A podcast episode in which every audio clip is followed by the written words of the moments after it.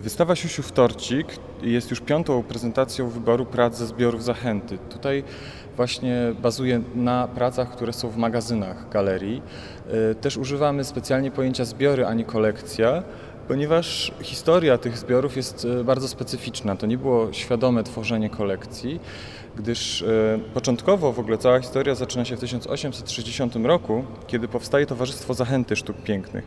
To towarzystwo było organizacją społeczną zawiązaną dla, jak głosił statut, rozkrzewiania sztuk pięknych w kraju i niesienia pomocy artystom.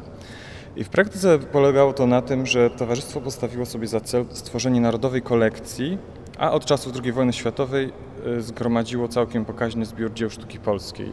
Innymi Bitwę pod Grunwaldem Jana Matejki, Dircę chrześcijańską Henryka Siem- Siemireckiego. Natomiast w czasie wojny w celu ochrony kolekcji całe zbiory przeniesiono do Muzeum Narodowego w Warszawie, gdzie pozostają do dziś, tworząc y, trzon Galerii Malarstwa Polskiego.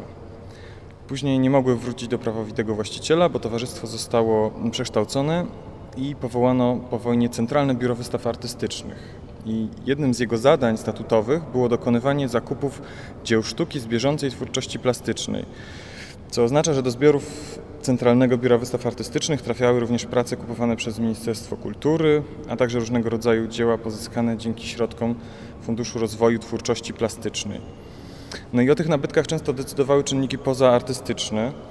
Generalnie, gdyby w odpowiednim czasie pomyślano o profesjonalnym gromadzeniu własnych zbiorów, to dziś Zachęta mogłaby dysponować świetną kolekcją, natomiast tak się nie stało, bo do zbiorów trafiały na przykład prace, których nawet protektorzy mm, autorów, partia czy wojsko nie chcieli potem przyjąć nawet za darmo. Na przykład efekty zakupów w okolicznościowych wystawach takich jak stolecie ruchu robotniczego czy portrety wojskowe.